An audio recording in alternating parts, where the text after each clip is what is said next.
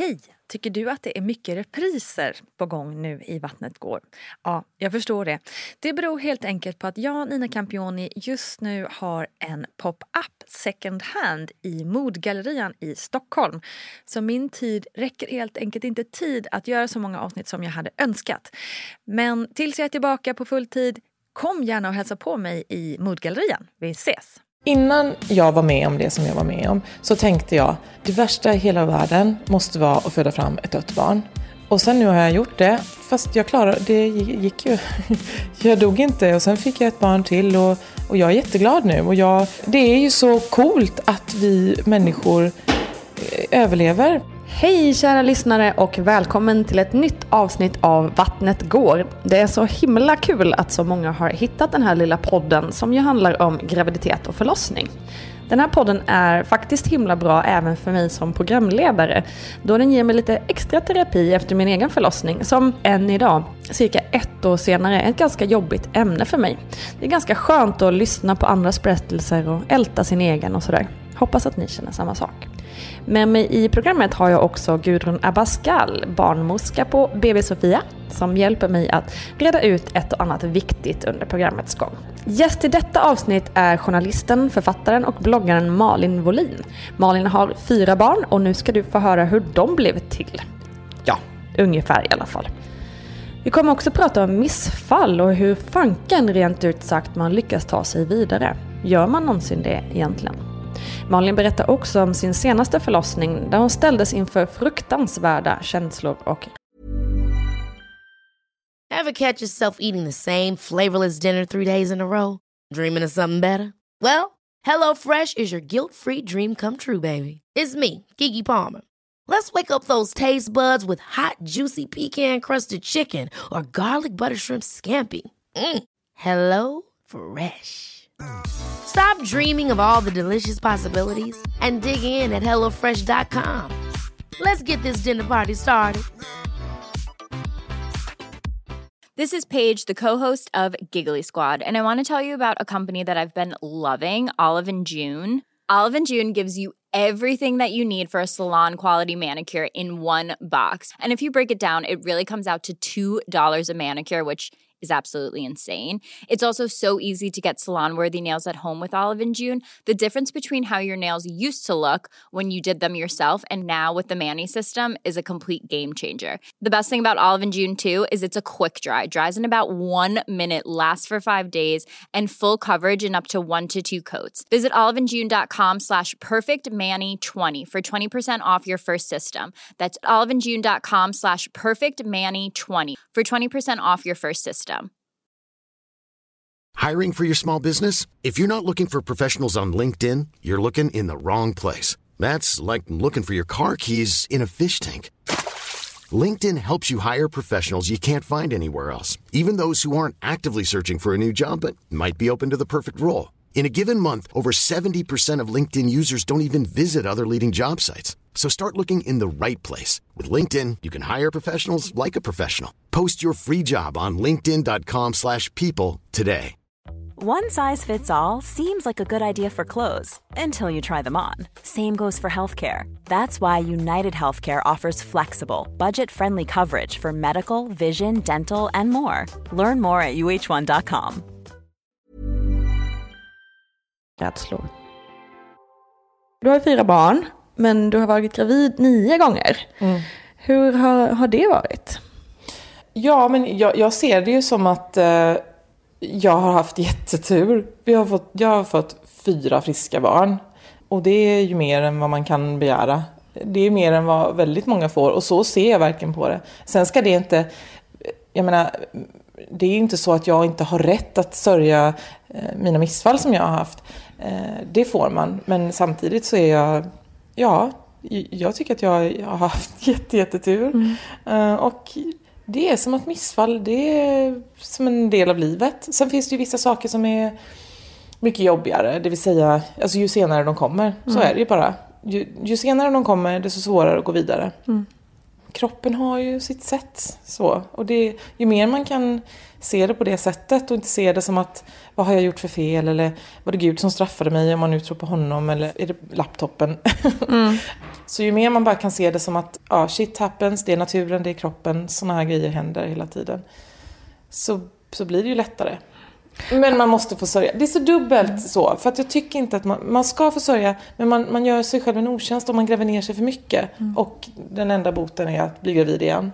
Har du eh, nått den här insikten själv eller har du tagit hjälp på något sätt för, för att komma över det just och tänka mer positivt? Jag har nått den insikten genom att ha många missfall och mm. att eh, först så blev jag gravid med första barnet och sen fick jag missfall och sen fick jag andra barnet och sen fick jag missfall och sen fick jag tredje barnet. Och sen så efter det så fick jag ett sent missfall som det kallas i vecka 19. Eh, och då fick jag ju föda fram det barnet mm. och så. Eh, och sen fick jag två missfall efter det. Och sen fick jag mitt fjärde barn. Så det har verkligen varit eh, varannan gång. Kan mm. man säga. Och det här missfallet då i vecka 19, då fick jag hjälp. Erbjuds man det då Hos, även ja, direkt? Ja, liksom? Mm. Mm. Ehm, så, så då eh, gick jag till en kurator på sjukhuset och ehm, Sen är frågan, hjälper det? Framförallt så var det ju så att jag blev ju gravid direkt efter och sen ehm, och, och, och, och, sen, och fick missfall och sen blev jag gravid direkt och så höll jag på sådär. Och då, det, det, absolut jobbigaste var ju sen när jag blev gravid då med, som det blev, fjärde barnet sen, att gå igenom den eh, graviditeten. Mm. Därför att jag var ju mm, 100% ja, övertygad om att det kommer bli missfall. Så mm. frågan är bara när. Mm. Så, så det var nästan som att man tänkte, ja men kom igen nu så att det inte blir senare. Mm, mm. Vilket gjorde att då trodde ju många att ja, men, efter vecka 12 kommer det ju kännas lugnare. Eller ja, men, efter vecka 19 när du förlorade förra barnet, då kommer det kännas bättre. Nej, för det är bara ett, det, det enda som händer är att det är större barn som blir jobbigare att mm, förlora. Mm. Så, så jag vet faktiskt inte riktigt hur jag klarade av den graviditeten. För att det var verkligen en sekund i taget. Mm men det blir så ödesmättat att varje, nu, nu kanske hjärtat slutar slå. Nu, nu dog bebisen. Alltså, nu dog det. Nu dog bebisen. Sådär. När man sov så var man ju i fred för de tankarna. Problemet var ju att man inte sov så mycket. Nej. För att på nätterna så kommer, ja, det är då det blir tyst, det blir Precis. mörkt, man har inget som stör. Tankarna och man har inget kommer. som, ja, mm. så, så. Så att det var, men det var ju värt det.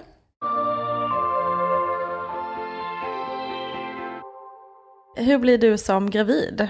Ja, jag mår ju jätte... Alltså att vara gravid är ju lite som en drog för mig. Alltså jag låter så... Jag låter så... Men jag är så grottig. Jag går på instinkt. Jag, och jag orkar inte tänka efter. Vad, vad är rimligt och vad är bra och vad är... Jag vill bara följa kroppens impulser. Då är det synd att Joakim har en annan kropp och andra impulser. Men eh, nej, så jag mår så fruktansvärt bra när jag är gravid. Liksom jag är lycklig och jag är Eh, sen är det ju tungt och jag menar de här första månaderna när man mår så illa så att man ja, du har ändå mått illa ångrar alltså. sig nästan. Okay. Nej, inte ångrar sig men ja visst. Men har du mått illa alla graviditeter? Ja. Mm. ja. Jag tror att jag har mått värre för varje graviditet mm. så. så att, och sen om det är Graviditeter är olika helt ja. enkelt. Vad det beror på vet jag. En del säger det är könet och sådär, jag vet inte. Nej, men så, så jag mår äckligt bra av att vara gravid. Jag mår nästan bättre av att vara gravid än att inte vara härligt. Så opraktiskt. Ja. Vi har inte fler rum nu Nej, i huset. Precis. Och jag vill bara må bra igen. Ja. ja. Men när du mådde sådär illa, fanns det någonting som hjälpte mot illamåendet? Eh, att äta. Okej, okay. vad mm. som helst eller? Mm, nej, fett och salt. Mm. När jag hade mat i munnen, då mådde jag inte illa. Men så mm. fort jag slutade så ville jag ha mer. Men då var jag, jag var ju mätt, man blir mätt till slut. Men hur skulle Joakim beskriva dig som gravid? Inte alls hoppas jag, för fan. Ge fan i beskriva, beskriva mig. Så. Nej men um, nu, vi ska prata nutid, när jag inte är gravid och när jag har varit gravid många gånger och fött fyra barn så kan jag säga så här, flickor där ute. PMSen blir ett helvete. Det har verkligen blivit värre för varje barn. Okej. Okay. Mm -hmm. Och på vilket sätt yttrar det sig då? Alltså jag blir, blir en sån djävul. Ja. ja. Eh, inte som, jag vet att eh, Karin Adelsköld som är ett jäkligt bra ansikte för PMS, ja men det är hon ju. Och, jag menar, men, och, och hon har gjort massor tror jag, för jättemycket, många kvinnor, att sprida ordet. Och eh, när hon har beskrivit hur hon var, jag menar hon skilde sig ju till och med och, och, och slog sönder diskmaskiner och sådär. Riktigt så är det ju inte för mig. Men jag märker sån skillnad. Alltså, jag kan- alltså, jag tycker bara alla är så dumma i huvudet. Och särskilt Joakim då. Alltså vad han än säger, så, så jävla dum. Fan vad dum. Vad, t- töntig fråga. Det kan bara vara, ja vad, vad läser du? Ja, men för fan. Så, Alltså kan du, kan du inte säga något töntigare? Som en tonåring nästan. Ja, så, som de där känslorna man hade för sina föräldrar när man bara tyckte att du tuggar fult. Så. Och, det, ja, och då kan man ju tycka att man ska skärpa till sig och så, men ja, eller så kan man bara... Vi kvinnor har fått stå ut med en jävla massa skit sedan tidernas begynnelse, så bara payback. PMSa PMSa på, med dig, alltså. mansjävel. Så. Ja, exakt. Och det är ju faktiskt han också som har gjort att du blivit, fått mer PMS. Ja, exakt. På, I alla fall på en kant. När det börjar närma sig förlossningar då, hur Mm. har du förberett dig? Jag undrar om jag har det. Har jag det? Nej. Men som din första förlossning där kom Ja. ju lite tidigare Ja, än beräknat. gick det ju inte. Hur, eh, hur Nej. pass tidigt var det? Ja, det, det, var, det var ju en chock, var, var vad det var. Därför att jag var ung och det var första barnet och då sa alla så här, "Åh, du kommer gå två veckor över tiden. Och det var så pass många som sa det att det blev en sanning. Jag kommer gå två veckor över tiden för nu är det fyra olika av varandra oberoende personer som har sagt det till mig. Så då, då är det så. Och så bara ställde jag in mig på det. Vilket, jag menar det är jättebra att vara inställd på att man kan gå över tiden, men att bestämma sig för att det kommer gå två veckor över tiden, för det har de sagt till mig, det är ju, ja, det är ju lite jag-svagt om inte annat. men, men eh, så, så när förlossningen då satte igång fyra veckor för tidigt, så då fattade jag ju ingenting. Vilket i och för sig, det var ju min smala lycka, därför att om du inte vet att du har ont, Har du då ont? har du då ont? Nej, det visste jag ju inte. Det gjorde ju lika ont som det gjorde. Men jag fattade ju inte att det var öppningsverkar. Jag, vet, jag visste inte vad öppningsverkar var i och för sig. Men om, hade- om någon hade sagt så här, Malin nu är förlossningen igång. Oj, då hade Ja, ju ja, det då gjort mycket, mycket mer ont. Ja, så. Eh, så funkar ju hjärnan. Så jag eh, låg där hemma i sängen och det var sent på kvällen och Joakim skulle försöka sova. Och eh, jag stod liksom, jag minns jag stod på alla fyra och så vaggade fram och tillbaka. Återigen, som en jävla grottmänniska. Ja, vad coolt att du fattade det. bara så här, det blev för man det- coachad att göra liksom. Ja, det bara kom. Jag tror att jag är, är väl någon slags en ko innerst inne. I, tidig, I tidigare liv var jag en ko som bara stod och blev så här befruktad i ett bås en gång om året. Bara tack, tack. Ehm, nej, så jag stod där och var, för det var skönt. Eller det var inte skönt, men det, det, på något vis så var det som att det var så jag försökte komma undan det. Och, och, och så skrek jag då efter mamma. Och sen så, så sa Joakim att eh, han är ju så fin. Han sa så här, antingen så är du tyst och så sover vi, eller så är det, åker vi in till sjukhuset. Det här, så här kan vi inte ha, att du står och skriker så att jag inte kan sova när jag ska upp tidigt sen. Så han tyckte antingen eller då. Att och jag ville ju inte åka in, för att jag ville inte vara den här som åker upp och sen då att, ja men din lilla idiot, nu åker du hem, så kommer du tillbaka när du är färdig. Eh, Men han tvingade mig, och tur var väl det. För när vi kom upp, eh, och så, eh, ja, jag la upp mig på britsen och så säger de bara så här, du är 10 centimeter öppen och nu ska du föda barn. Jäklar. Du har gjort jag hela den trodde- grejen hemma ja, alltså. Ja, ja, precis. Och just då när hon sa det, då, det var ju då först, då förstod jag ju, jag ska föda barn nu. Mm. Och sen gjorde jag det. Och eh, jag har ju haft extremt lätta förlossningar. För de har gått så snabbt eller, har, eller på vilket sätt menar du lätt? Ja, vad menar? Ja, snabbt. Ja, precis. Och s- snabbt är ju inte bara bra, för man, man spricker ju. Men eh, jag har spruckit um, smakfullt. Nej, inte smakfullt mycket. Titta på mitt ärr, det är så smakfullt. Precis. Helt rakt. Ja, alltså din första förlossning, du kom in, var 10 cm och sen själva den här ut, utkryssningsfasen om man säger, var den eh, härligt snabb också då? Härligt snabb, Härligt vilket snabb. uttryck, men du vet Nej, vad jag men, menar. eh, jag tror att eh, det var två krystverkar eller något sånt där. Ja, det är det man drömmer om. Ja, sen de, de andra tre var ju en krystverk. Och då, då spricker man ju. Så är det ju. Liksom. Så att, och, och jag vet att eh, med tredje barnet, då så står de där nere och så säger de så här, vänta nu. Men vadå, vänt, alltså jag, mm, jag har läst på nätet om det är kvinnor som, ursäkta mig, men som påstår att de kan stoppa en krystverk. Och I call BS. Alltså, jag kan ha gjort det.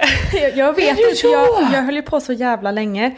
Och men till mig sa de också det, bara, nu måste du hålla emot här. Och då sa de hela tiden, vad bra du är, dukt bra, det är exakt så. Jag vet inte hur jag gjorde det. Du, måste, du knep på något med sätt så måste jag, slidmuskeln. nu kniper jag samtidigt som jag pratar här nu. Ja, jag med. Jag kniper, jag kniper som, som håller på. Men jag, jag tror att jag lyckades kanske på något sätt göra det. Ja. Men det, kan, ja, det, det, det kanske Men det kan sitter i hjärnan också. Ja, då, att- eller också tänker jag att jag höll på så pass länge. Alltså du, herregud, en krystverk, då vet ju inte du hur du ska... Alltså du förstår vad jag menar? Jag höll ju på i över en timme och fram och Jaha. tillbaka med de här krystverkarna. Ja, ja. Så att jag Ja, kanske okej. lite mer hann lära känna krystverken. Förstår du vad jag menar? Ja, nej, jag var ju mitt uppe i den, Mm. en, den första och enda krystverken som det blev. Och då stoppade den. Men nej, nej.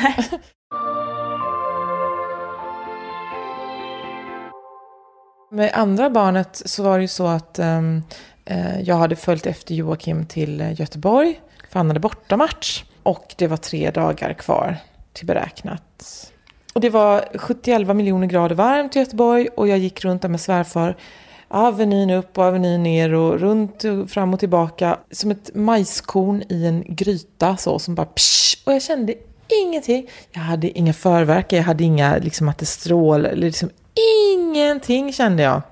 Och sen så var det kväll, ma- match på kvällen där. Och vi satt och tittade och sen så kom efter 20 minuter så kom första målet. Och precis när det blev mål så bara pang. Det var som om någon bara sköt mig. Så, verkligen, i brist, i brist på bättre uttryck, så en blixt från klar. Det var, verkligen bara så att helt plötsligt, aj som in utav helvete. Så att det var verkligen Och då från sitter du på noll läktaren. till öppningsverkar. Så Bara på en gång. Och då sitter jag på läktaren. Och, eh, och, sen så, och då trycker det ju på neråt. Så då behövde jag gå på toaletten. Så jag gick ner där ensam. Under, och det var helt öde för att alla var ju, det är ju ingen på toaletten i, under liksom, själva matchen utan det är ju pauserna. Så jag var helt ensam, så här katakomber, jag vet inte ens vad en katakomb är egentligen. Jag bara brukar, det är ett ord jag brukar använda. Och sen vet jag inte riktigt vad det är, men det är så här, eh, hemskt under källare. Ja. Och så någon sån här skabbig toalett och sen in där. Och så tänkte jag, men gud, här sitter jag helt ensam. Ingen kan ju höra mig skrika. Vad- Alltså, tänk om jag föder ner så här. Egentligen var det ju, det var, det var ju värre när man tänker på det nu. om någonting hade, ingen hade ju hört mig. Nej, du hade kunnat ligga där själv och... Ja visst. I katakomberna. I katakomberna Jag fick ett katakombbarn. Ja. ehm, far below the city streets, han Ja, Vincent-barn som springer runt. Ja. Nej, men det gick, det gick vägen och sen så, så kom jag upp till, till läktaren. Och då när jag satte mig jämte svärfar, för jag hade, inte, jag hade inte sagt någonting, och så, så, så bara sa han så här, är det bra? Mm. Så, jag, jag vill inte säga. Jag vill inte... Skämdes du då? Eller varför ville du ja, inte säga? Ja, det var pinigt. Jag kan inte komma på något annat ord än att det var pinigt. Att, åh nej, så förargligt. Här sitter jag och ska föda. Och det. Och, men så, och så, helt plötsligt så bara vände han sig om och säger bara så här, ska vi åka? Nej, vad coolt. Ja, jag hade inte... Så, jag tänkte, han vet ingenting. Och sen så, ska vi åka? Ja. Så, ja, ja, det ska vi. Och där har vi återigen det här med hjärnan och att veta om. För fram tills dess så hade ju, nej, jag sitter och tittar på match och jo, ja, det gör jätteont och så, men ändå ingen vet om det och jag låtsas som ingenting. Men nu så har svärfar sagt att ska vi åka? Vi har gått ifrån matchen, vi sätter oss i bilen, nu kör vi. Då, då gjorde det ont så att jag inte kunde kontrollera det. Så då låg jag och skrek och slog i biltaket. För nu, visst, nu, nu var det på riktigt det på och då gjorde det ont på riktigt. Men då ringde jag ju till ehm, för jag hade ju sagt till Joakim att han var tvungen att ha sin mobiltelefon på, läkta, eh, på eh, bänken. Så att någon som satt på bänken kunde svara ifall det var någonting. Men då ringde jag och då svarade materialaren som är en farbror som tar hand om bollar och sådana där saker. "Ja, Det är Malin, du måste säga till Joakim att jag ska föda nu så du, du, du måste säga att han kommer till Mölndal. Ja, ja men du vet, han är ju på planen. Ja men det vet jag väl för i helvete! Vi får säga till. Tröga människor. Åh, det vet, vet jag ju.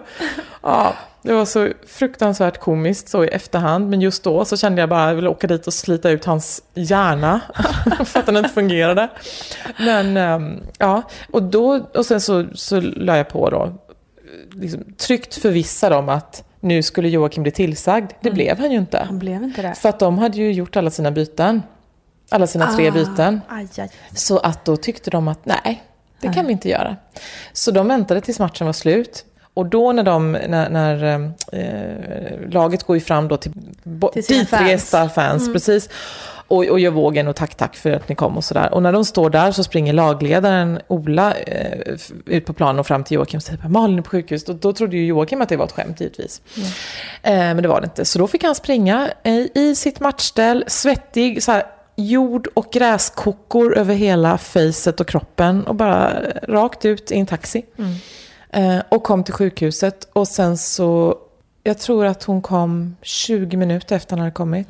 Vilken jäkla tur att han hann fram alltså. Mm. Nu kan man ju sitta så här, Jaha, det här var en det." kul story. Ja. Hade han inte hunnit och missat hennes födelse, jag har bränt ner hela FFs, hela, Mm. hela Fredriksskans, jag tänt eld på det. Då gick ju det också jäkligt snabbt. Ja, Ja. Hur var tredje då? Gick det också så snabbt? ja, och då var det också så, i och för sig, man kan, då kan man ju tycka så här, det är tredje barnet, nu har man koll. Och, och, då, och jag hade gått två dagar över tiden. Så det var ju verkligen dags. Och så var det kväll och sen så fick jag jätteont. Jag bara, jag är bajsnödig. Och då visste du egentligen att nu är det dags. Ja, så här, ja, precis. Enligt min beräkning så var det liksom, det är BF idag. Och jag har fått två barn förut. Och, och nu gör det jätteont. Men alltså jag måste verkligen bajsa. Så jag tror att jag, kan, jag kanske är rätt korkad. helt enkelt bara. Eh, men då var vi ju hemma. Och då, men då hade vi ju två andra barn. Och då kan man ju inte bara åka. Då måste man fixa barnvakt. Eh, så då ringde Joakim till sina, till sina föräldrar. Och, då, och då, då vet jag att, då tyckte jag så här.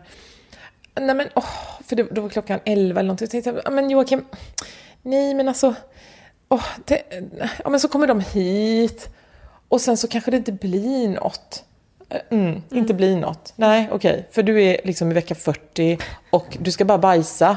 Men de kom och vi åkte in och sen kom han ju efter en liten stund där. Så så var det med det. Det är så himla härligt att du bara beskriver, ja men så var det, alltså bara födelsen, så var det med det. Alltså, så, Ja, jag vet. Det är Jo. så jäkla härligt på något sätt. Man, Ja, det- jo, men så är ju lätt att säga efteråt, även för den som har liksom fött barn i, under tre dygn och, och bara haft ett helvete, så kan ju den kvinnan fortfarande säga Ja, sen åkte vi in och sen föddes hon. Alltså allting är ju i Som att det var en berättandet av historien. vardagsgrej. Ja, Ja. precis. Men så är det ju aldrig och det vet ju alla. Och även om mina har gått väldigt snabbt och, och liksom friktionsfritt och sådär. Men samtidigt, när man är mitt i det, då har man ju dödsångest. Det har man ju. Men det är ju det att det går ju över så fort och så märker man, ja men jag dog inte och kolla här har jag en bebis och bara åh, nu tar allting över. Och så glömmer man. Och så var det bara härligt. Eh, minns de lyckliga stunderna blott, etc. Eh, men det är klart att mitt i där, då är, då, man tror ju att man ska dö.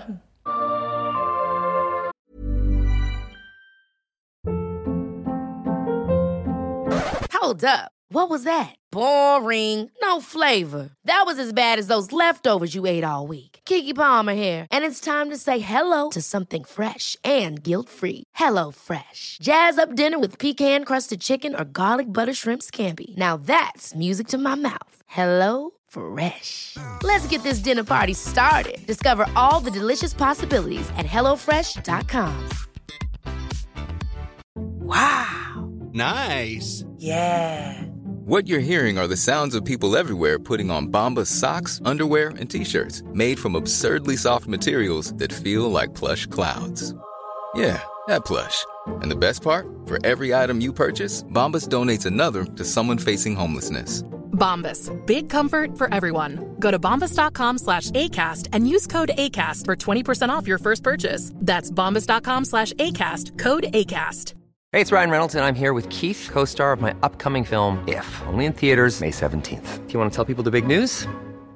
All right, I'll do it. Sign up now and you'll get unlimited for $15 a month in six months of Paramount Plus Essential Plan on us. Mintmobile.com slash switch. Upfront payment of $45 equivalent to $15 per month. Unlimited over 40 gigabytes per month. Face lower speeds. Videos at 480p. Active Mint customers by 531.24 get six months of Paramount Plus Essential Plan. Auto renews after six months. Offer ends May 31st, 2024. Separate Paramount Plus registration required. Terms and conditions apply if rated PG. Quality sleep is essential. That's why the Sleep Number Smart Bed is designed for your ever evolving sleep needs. Need a bed that's firmer or softer on either side? helps you sleep at a comfortable temperature? Sleep Number smart beds let you individualize your comfort so you sleep better together. JD Power ranks Sleep Number number 1 in customer satisfaction with mattresses purchased in-store. And now, save 50% on the Sleep Number limited edition smart bed for a limited time. For JD Power 2023 award information, visit jdpower.com/awards. Only at a Sleep Number store or sleepnumber.com.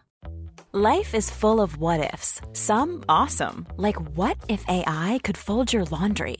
And some, well, less awesome, like what if you have unexpected medical costs? United Healthcare can help get you covered with Health Protector Guard fixed indemnity insurance plans. They supplement your primary plan to help you manage out of pocket costs. No deductibles, no enrollment periods, and especially no more what ifs. Visit uh1.com to find the Health Protector Guard plan for you.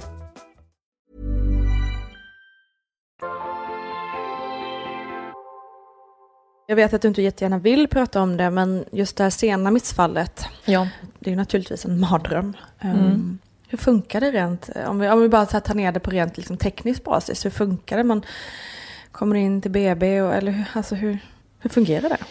Ja, vi fick ju veta på eh, rutinultraljudet då i vecka 19 att det inte, ja, att inte eh, barnet levde längre. Ehm, och hur den scenen utspelar sig kan man läsa i min bok, för det, det är för jobbigt att prata om. Eller det li- ja, men ehm, eh, nej, och sen så fick vi en tid dagen efter att komma in och ehm, jag vet att många undrar, liksom, nu är det ju redan synd om den här människan. Varför ska hon dessutom behöva föda? Men det är ju det man ska. Jag vill i alla fall det och jag tror att det är det absolut bästa. Jag är inte säker att, jag har inte pratat med så många som har om, ju, om just det här, den här känslan. För jag kan tänka mig att det kanske finns de som, nej men plocka ut, jag vill inte, för, ja, att man vill inte ha ont eller att man vill inte göra den grejen så att säga, om man inte får en bebis på köpet som lever. Ja. Men, men eh, jag tror att det är så viktigt för eh, psyket och hälsan och, och hela eh, helheten att man gör det. Så, och man, man får ju så väldigt mycket smärtstillande. Så konstigt nog så, det jobbiga är ju innan och efter. Men under tiden, jag menar alla som har gått på extremt stark, alltså morfin och allt vad, de, vad man får proppa i sig, vet ju att då mår man ju rätt bra. Mm. Så jag var ju jätteledsen och det var ju, eller, alltså, det var ju fruktansvärt, det är det värsta jag gjort. Eh, men, men ehm, ja, droger är ju gött av en anledning. Eh, tur att vi har dem. Ehm, det, det, det är en förlossning som, som vilken som, bara väldigt mycket tråkigare. Innan jag var med om det som jag var med om så tänkte jag det värsta i hela världen måste vara att föda fram ett dött barn. Och sen nu har jag gjort det och sen så, ja fast, fast jag klarade, det gick ju. Jag dog inte och sen fick jag ett barn till och, och jag är jätteglad nu och jag, jag går inte runt och eh, går på mediciner eller något. Alltså jag kom över det och det, ja det är det som är så häftigt med att vara människa. Åh gud, det här låter så fruktansvärt töntigt. Jag vill inte låta som ett väggord. Men det är ju så coolt att vi människor eh, överlever fruktansvärda saker. Varje dag. Och, ja, men, men återigen. ehm, om jag inte hade blivit med barn igen, då vet jag inte riktigt. Då hade det kanske inte varit lika lätt, ska jag inte säga. Men då hade jag nog... ehm, ja, ja, nej, det vet jag inte riktigt. För det är det som är revanschen. Det är det som är... Ja, ja, okej, nu händer det här. Men om någonting bättre händer efter det så blir det, så blir det lättare. Eh, och då har jag fått det som jag har velat ha. Alltså jag ville ha ett fjärde barn. Och jag satsade på det. Och sen så, blev, så fick jag det. Hur hade det blivit om, det, om jag inte fick det avslutet jag ville ha? Ja, det vet jag inte. Det hade ju förmodligen, det hade löst sig det också. Det hade det Men det absolut. här det är skönt hjälpte. att du inte behöver fundera på det egentligen. Mm, nej. Och om ni vill eh, veta mer om det här och få ta del mer av din känslomässiga resa kan man säga kan man läsa Malins bok En mamma blir till. Som för övrigt är oerhört rolig också. Det är mycket Ja. känslor i den boken. Jag rekommenderar den varmt. Nu blev jag tårig. Gudrun Abascal, hur vanligt är det med sena missfall? sena missfall som man räknar den andra tredjedelen av graviditeten av så ligger det på 3-7 procent. Och då kan man säga att man räknar ju som missfall fram till vecka 22 plus 0. Och ju senare, ju längre man går i graviditeten desto mer sällan blir det ett missfall. Så kan man säga procentuellt. Ja, sen har du då det fjärde barnet. Mm. Och det gick också väldigt snabbt, men det blev mer action där, har jag förstått. Eftersom jag läste din bok. Ja, action, eh, det var ju katastrof och sorg Mm. är ju de orden som, som jag tänker på. Ehm, nu så är han ju två år och tre månader. Och nu, nu är jag där att jag tänker att han inte kommer dö. Och det kanske jag har varit ett tag, men inte så länge. Utan det blev förstört helt enkelt. Och Mm. Om ehm, det, det är ju så här, vill jag säga rent generellt. Om en kvinna upplever det som att det är en hotfull situation eller att det är någonting som, som är på väg att hända eller att någonting har hänt. Då är det det som ligger kvar. Och då spelar det ingen roll att det var aldrig någon för... Eh, utan då är man präglad av det. Och det är, så det, kommunikation är A och O i förlossningsrummet. Tyvärr funkar det inte så. Eh, alltid. Det kanske gör det jättebra ibland. Men eh, i ganska så korta drag så, så ehm, åkte vi in två, eh, nu ska vi se, fem, fem dagar före beräknat så, så hade jag eh, ja, haft mina öppningsverkar hemma, trodde jag. För att eftersom jag de andra öppningsverkarna hade ju inte tagit så lång tid. Eller så hade jag kanske bara inte märkt när de började. Jag vet inte. Men, men på eftermiddagen så, så gjorde det jätte, jätte, jätteont. Och så laddade jag ner en um, sån här verkapp och tog tiden och märkte att ja, men okej, nu, nu är det på gång. Men jag tänkte att jag ska inte åka in för tidigt. Och um, sen så, så, så var det faktiskt Joakim som, jag var på alla fyra på golvet och skrek eh, och grät faktiskt, som tvingade mig att åka in. Och eh, när vi då kommer in och, och de lägger upp mig på britsen och jag hamnar liksom i ryggläge och så, då stannar det, eh, inte stannar av, men det lugnar ner sig. Och då sa de att nej men ni kan åka hem för att det här är... Och då, då var jag bara, mm, oh, jag tror jag var fyra centimeter öppen kanske. Och jag, jag tyckte det var så konstigt. Jag kunde verkligen inte förstå det. Så, men gud, ska de, ska de verkligen skicka hem? Alltså, ja, det här känns inte bra. Men jag gick liksom upp, av med elektroderna och upp och kläder på. Och sen hade jag en verk i korridoren, en i hissen, två i bilen på väg hem, en i hallen. Alltså verkligen. Så att så fort jag reste mig så var det ju igång igen. Det är bara det att nu blev vi hemskickade, vi åkte hem. Jag var hemma en stund till, jag tror vi var hemma kanske en halvtimme. Och sen så var det ju bara, nej men vi måste åka nu. Och då åker vi in och sen så, ehm, nu ska vi se, då tror jag att klockan var sju kanske, eller, något, eller 20 över sju. Kanske var något sånt där. Och då frågade de om jag vill bada. Och det har jag aldrig gjort förut och jag har alltid velat det. Jag tänkte att varmt bad måste ju vara verkligen, ja, det är grejen för alla. Så skönt. Men det hinner vi ju inte, tänkte jag. Men jag sa inte det. Utan jag bara tänkte, jag så här, har de inte läst min journal? Vet de inte hur fort jag... Alltså så här, man vet ju hur lång tid det tar att hälla upp ett bad, så en evighet. Då kommer jag ju ha fött och åkt hem innan det där badet är upphällt. Men ja, jag sa ja och sen så, eh, så gjorde de i ordning det och så gled jag ner i badet. Och sen, sen så hade jag då, då öppnade jag mig från 4 cm till 10 på en kvart. Herregud. Och det, apropå att bad skönt, det var ju inte ett skönt bad. Men, men, eh, och om det var badet som skyndade, det, det känns ju nästan som att det måste varit så. Men de, de 6 centimetrarna på 15 minuter, det var det ondaste jag har haft av alla förlossningarna liksom, sammanlagt. Det var verkligen nu, på riktigt nu dör jag. Jag har gjort det här tre gånger förut, men nu dör jag, nu är det allvar. Det här kommer jag inte överleva. Du kan ju inte fått så mycket paus heller mellan verkarna då gissar jag. Alltså du måste ju komma Nej. så Ja, bam, bam, bam. ja precis. Ja, visst. Eh, hur mycket, många centimeter är en verk? Inte vet jag. Men Mm. alltså, så är det ju med förlossningar. Eh, Apropå det här med tiden. Att man, det är klart man vill att en förlossning ska gå fort. Mm. Men ju fortare den går, desto mer spricker du, desto mer eh, ont gör det. Alltså Mm. desto mer intensivt. Ja, och, och, då, och så kände jag att nu så, och då ringde Joakim på, för vi var ju, själv, vi var ju ensamma inne i det där eh, badrummet. Eh, och då ringde han på, på personalen och jag tyckte att det tog en evighet. För jag blev ju rädd liksom, att de inte skulle hinna komma.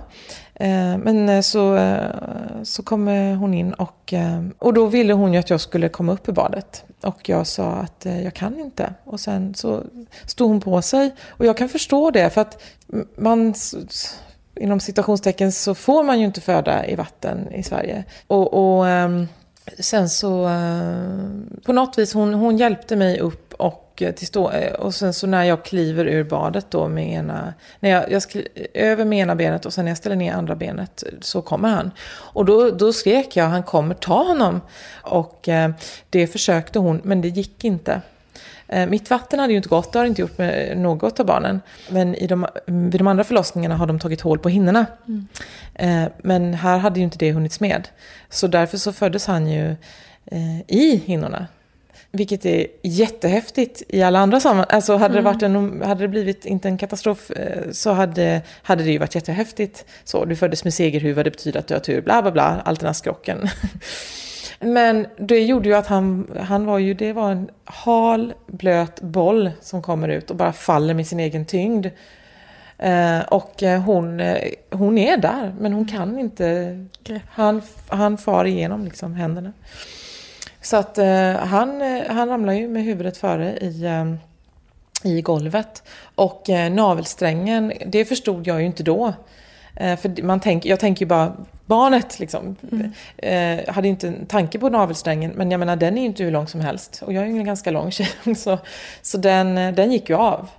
Så att hon, hon skopar ju upp honom och springer iväg. och så, så, så skriker hon till sin kollega, ring på läkare. Eh, och kvar, kvar är vi.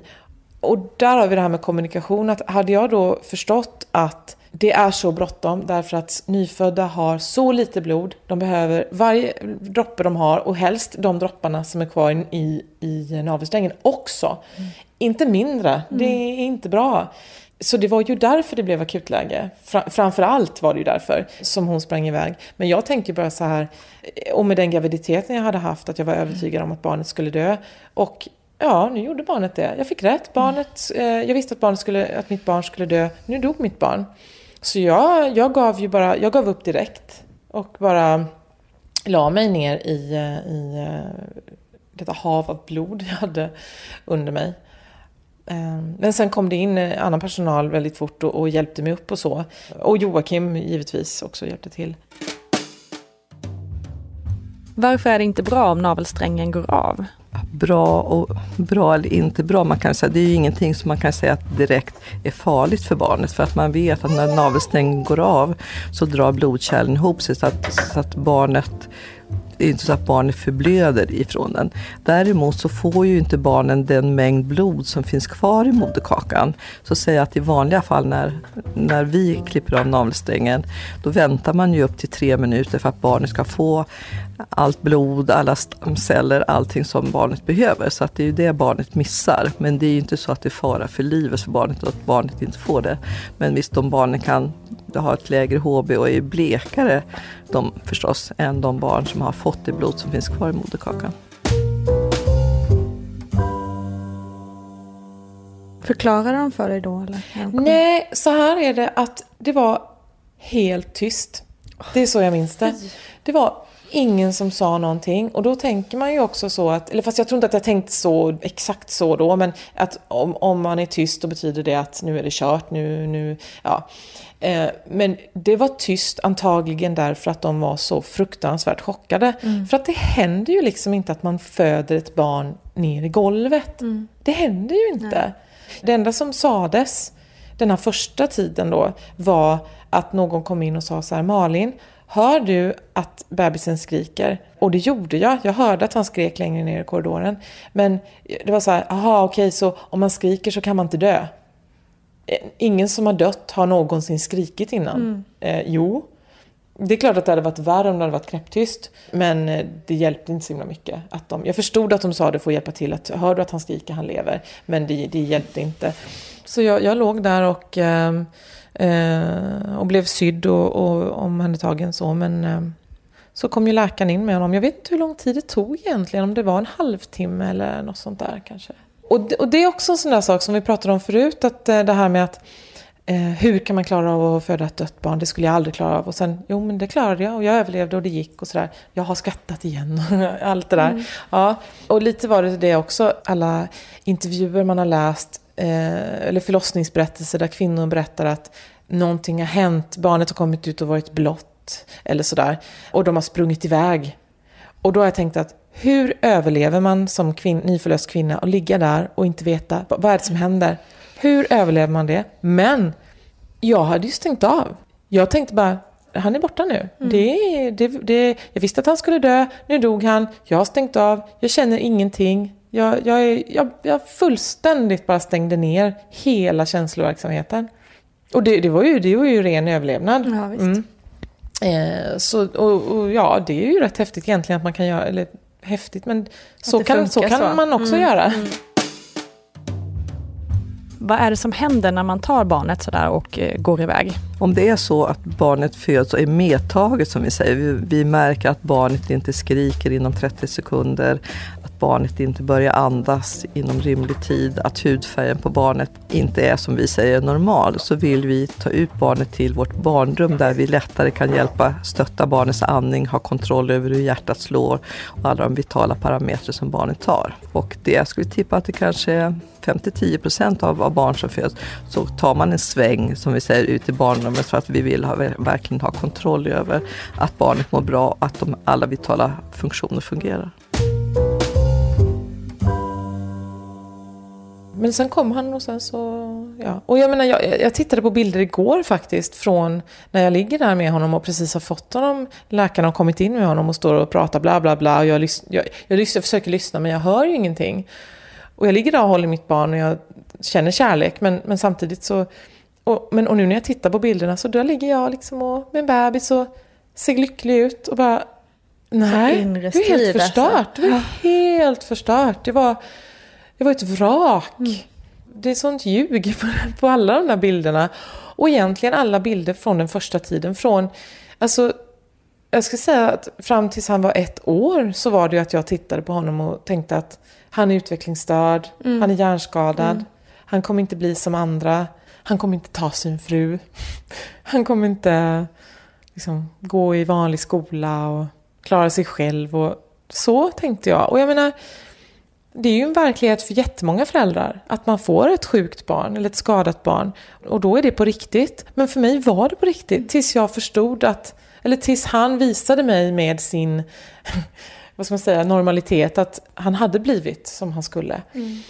Och, och då var det just det att det här var ett friskt barn som genom extrem otur och en olyckshändelse som det faktiskt var så hände det här. Och det, det var det som var så svårt att förlika sig med. Att han föddes inte skadad, men han blev skadad. Det var en sån absurd situation. Det hade inte varit konstigare om jag hade fött honom och sen hade han blivit överkörd av en lastbil i det rummet. Det var precis lika sjukt för mig att det hade hänt. Och jag ville ju heller inte acceptera det. Jag gick ju eh, hos en eh, sån här Amanda-barnmorska, det heter Aurora tror jag i Stockholm, och pratade om förlossningen efteråt.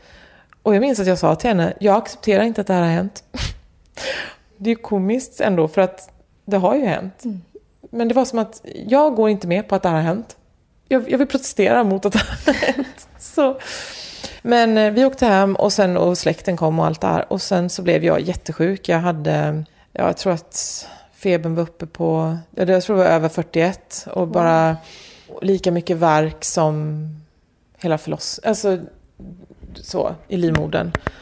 Eh, men då åkte vi in och då, och då var det ju, eh, men gud vad heter det? Barnsängsfeber hette det förr i tiden. Men jag, det heter det ju givetvis inte nu. Ehm, ja, men alltså eh, ja, men en infektion i, i livmodern. Så jag blev ju inlagd i en vecka. Och då hade jag ju med mig, då hade jag ju honom hos mig. Eh, och även min syster. Det som vi sitter och pratar om här nu, att jag tänkte att han var hjärnskadad. Det var ju det enda jag tänkte på. Men jag kunde inte säga det. Jag kunde inte säga, alltså inte, inte till någon, inte till, utan jag menar, jag minns att mina föräldrar kom, och, kom till sjukhuset då och de tittade och jag såg ju liksom hur de tittade på honom så. Att, för han hade ju en sån bula som, Ja. som alltså den, ja, den bulan. Och, och, och de tittade på honom som orolig mormor och morfar liksom att, ja men såg över honom så här djuriskt vet. Liksom. Men det var ju ingenting som, utan då var det mer, "Åh, bulan. Ja men det var inte den. Det är inte bu, alltså bu, bula är ju en bula. Utan det är ju det som händer på insidan som jag, men jag kunde inte prata om det. Men sen, Vågade du inte? Var det liksom för att du tänkte att... om jag nu säger lägger jag ord i din mun, men precis om jag Ja. säger det så är det sant. Ja men det var ju det här, det var ju så, det är så klass, eller klassiskt, men det är ju så lätt att förklara det psykologiskt att om jag säger det här, då har det hänt. Eller om jag säger det här så är det riktigt. Och, och, och, eller när någonting innebär så mycket ångest att man, man kan inte säga det högt. För säger jag det högt nu, då dör jag. Så kändes det. Så att jag höll inne det i ett par dagar där på sjukhuset. Och sen så vet jag att jag hade en, en av mina bästa vänner som var och hälsade på. Och så jag kände verkligen så här, för sen så hade hon varit och så skulle hon åka då, eller hon skulle bli hämtad liksom. Och då kände jag att när dörren går igen, då kommer jag bryta ihop. Och sen, ja men puss, hej då, så. Och så gick dörren igen. Och då liksom, då kom nerv från helvetet. Så då ringde jag på larmknappen. Och så kom det in en ängel. För jag, jag, så, du vet gamla människor som skickar in till tidningen, änglarna på avdelningsköp. Det är ju verkligen så. Jag tror inte på Gud, jag tror inte på någonting. Men änglar som är människor, det tror jag på. Och det har jag träffat många.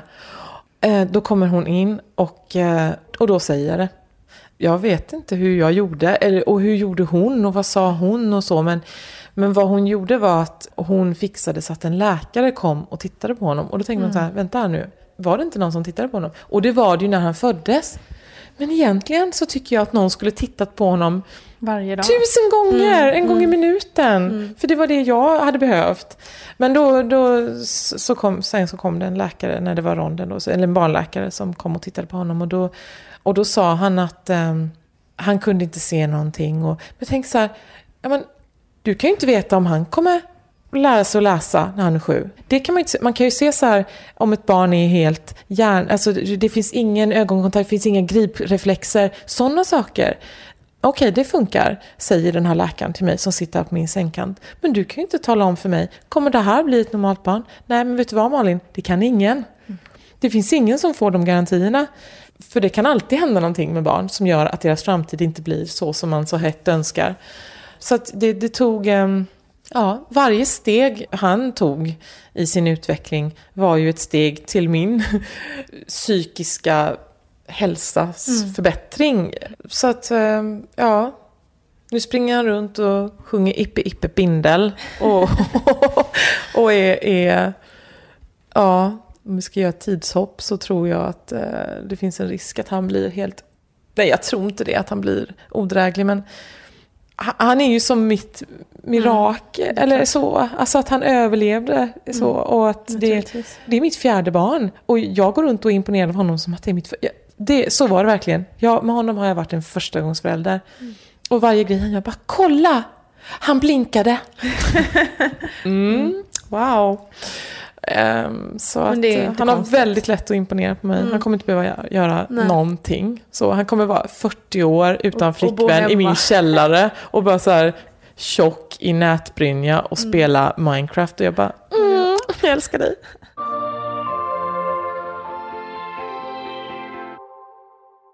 Vad skulle du säga till någon som ska gå in i sin första förlossning? Att ehm, lita på sin egen förmåga, för den finns där. Man kan, alltså, det, det är inte ens en förmåga. Det är i alla fall inte en talang, det är i alla fall inte en eh, färdighet. Det är en inneboende, alltså alla de här orden jag håller på att använda, vad är det med mig? Men det är ju en inneboende kraft. Ja, men det är ju det. det sen att det låter töntigt när jag säger det, men det får vara så. Och sen kan det ju givetvis hända saker. Ungen kan sätta sig på tvären. Det kan bli så här att nej, nu går det inte. Eller nej, nu gick hjärtljuden ner så det får bli kejsarsnitt. Och det kan hända massa saker. Men, och då är det helt okej. Men det kan också gå jättebra och låt det bara gå bra. Man ska lita på sjukvården och man ska eh, liksom lyssna på vad de säger och så. Men även om de har varit med om tusen miljoner förlossningar så har de inte varit med om din förlossning. Och även om det är din första förlossning och du inte vet någonting och de kanske tycker du vet ingenting, vi vet hur det här kommer gå, vi vet vad som kommer hända nu, så är det inte säkert att det är så. Så att, men jag förstår att sjukvårdspersonalen från sin sida, det är klart att de går på statistik och normalt sett så vi, vi kan se att du är en förstagångsföderska och du är så här lite öppen, vi kan säga att si och så här och du, du, du, du. De har sin erfarenhet och att Ja, ja, lilla gumman, du kanske tror att du vet vad du pratar om nu, men det vet du inte. Och det kanske man inte gör, men ibland så måste man ändå lyssna på sig själv. Där, därmed sagt, man ska inte någonsin hålla sig själv ehm, eh, skyldig för hur utgången blir. Att åh, om jag bara hade sagt någonting, för det ska man inte behöva. Men var inte rädd att stå upp för dig själv. Så. Det, det, nu låter det som att jag lägger skuld på kvinnan, eller att, att, kvin, Nej, att det är kvinnans ansvar. Det är det inte och det ska det inte behöva vara. Men om du känner någonting, försök se till så att din partner som är med dig, eller din kompis eller vad det nu är, står upp för dig. Mm. Ja. Viska då liksom att jag tror att... Och sen så se till att det blir djävulens advokat. Uh, eller hur man nu ska säga det. Så, så det är väl det. Och sen att bara försöka andas igenom det. Och att inte andas på lungspetsarna och, eller på toppen av lungorna och försöka komma undan det. För att då gör det mer ont. Mm. Utan bara försöka trycka ner den här röven i sitsen. och, ja, ja. Mm. Och kanske vara lite i denial i början så att du inte ens fattar att det är förlossning. För då gör det tydligen inte ja, lika ont. jättebra, jättebra. Tänk liksom att ja, nu sticker det ut ett huvud här i mitt underliv. Men jag tror att det är nog bara förverkar. Så då gör det inte så ont. Så kan man göra. Bra tips. Eh, också intressant i och med att det har gått så snabbt för dig tänkte jag på det här med förlossningsväskan eller BB-väskan som är så himla omsnackad om. Ja. Inför vad man ska packa i och inte och lalala. Mm. Har du ens hunnit packa någon gång? Nej. Finns jag, det någonting du känner när du har varit på BB att fan det där skulle jag haft med uh, mig? Jag, jag, jag, jag, packade till Göteborg då givetvis. För då var jag ju tvungen att ha med mig väskan eftersom jag skulle till en annan stad. Så mm. då var den så. Alltså allting kan ju springas ut och köpas. Det är mm. ju det. Så de här grejerna man tar med i väskan är ju egentligen inte de är inte viktiga av praktiska skäl, tycker inte jag, utan det är ju rituella skäl. Alltså, mm. Det vill säga, åh, nu lägger jag ner den här. Alltså det är själva egentligen är det pack, när man gör packningen. Det är det som är det väsentliga. Inte att, inte att man nästan alls tar med sig den. Hjärnan ska bearbeta att varför står jag och lägger ner en body som ser ut som dockkläder? Mm. Vem ska ha den, har jag tänkt. Det fattar inte jag. För det fattar man ju inte. Att snart har jag en, med min kropp gjort en person som ska ha på sig kläder. Mm. Det är jättekonstigt. Men eh, så pack, jag tycker alltid man ska packa en BB-väska, men så gör det ju Jag menar med första barnet, då hade jag bara packat CD-skivor. Det gick bra ändå. För det var det jag tyckte. Jag vill ha den här musiken ja. när jag föder barn. Och sen så eh, hade jag inga rena trosor liksom. Mm. Allt löser sig. Stort, stort tack Malin Bolin för att du ville dela med dig av din berättelse. Stort tack också till Gudrun Abascal och självklart ett superduper jätte mega tack till dig som lyssnar. I nästa avsnitt så möter vi mediaprofilen, bloggaren och debattören Sissi Wallin. Okej, är det tre såna här kryssningar kvar nu eller är det liksom 30? Mm. Ja men det är svårt att säga. Så här. Och då brast det för mig, jag bara, ni bara luras, allt är en konspiration. Ni bara ljuger, alla ljuger för mig. Jag var så här, kände mig helt så här Illuminati. Bara, alla är emot mig, alla ljuger. De var så här, mm, okej, okay, ja. Producerat av Perfect Day Media. Have catch yourself eating the same flavorless dinner three days in a row? Dreaming of something better? Well, hello fresh is your guilt free dream come true baby. It's me, Gigi Palmer. Let's wake up those taste buds with hot, juicy pecan crusted chicken or garlic butter shrimp scampi. Mm. Hello Fresh. Stop dreaming of all the delicious possibilities and dig in at HelloFresh.com. Let's get this dinner party started. Hi, I'm Daniel, founder of Pretty Litter. Cats and cat owners deserve better than any old fashioned litter. That's why I teamed up with scientists and veterinarians to create Pretty Litter. Its innovative crystal formula has superior odor control and weighs up to 80% less than clay litter. Pretty Litter even monitors health by changing colors to help detect early signs of potential illness. It's the world's smartest kitty litter. Go to prettylitter.com and use code ACAST for 20% off your first order and a free cat toy. Terms and conditions apply. See site for details. Imagine the softest sheets you've ever felt. Now imagine them getting even softer over time That's what you'll feel with Bowl and Branch's organic cotton sheets. In a recent customer survey, 96% replied that Bowl and Branch sheets get softer with every wash. Start getting your best night's sleep in these sheets that get softer and softer for years to come. Try their sheets with a 30-night guarantee. Plus, get 15% off your first order at bowlandbranch.com. Code BUTTERY. Exclusions apply. See site for details. Mom deserves the best, and there's no better place to shop for Mother's Day than Whole Foods Market. They're your destination for unbeatable savings, from premium gifts to show-stopping flowers and irresistible desserts. Start by saving 33% with Prime on all body care and candles. Then get a 15-stem bunch of tulips for just $9.99 each with Prime. Round out Mom's menu with festive rosé, irresistible berry chantilly cake, and more special treats. Come celebrate Mother's Day at Whole Foods Market.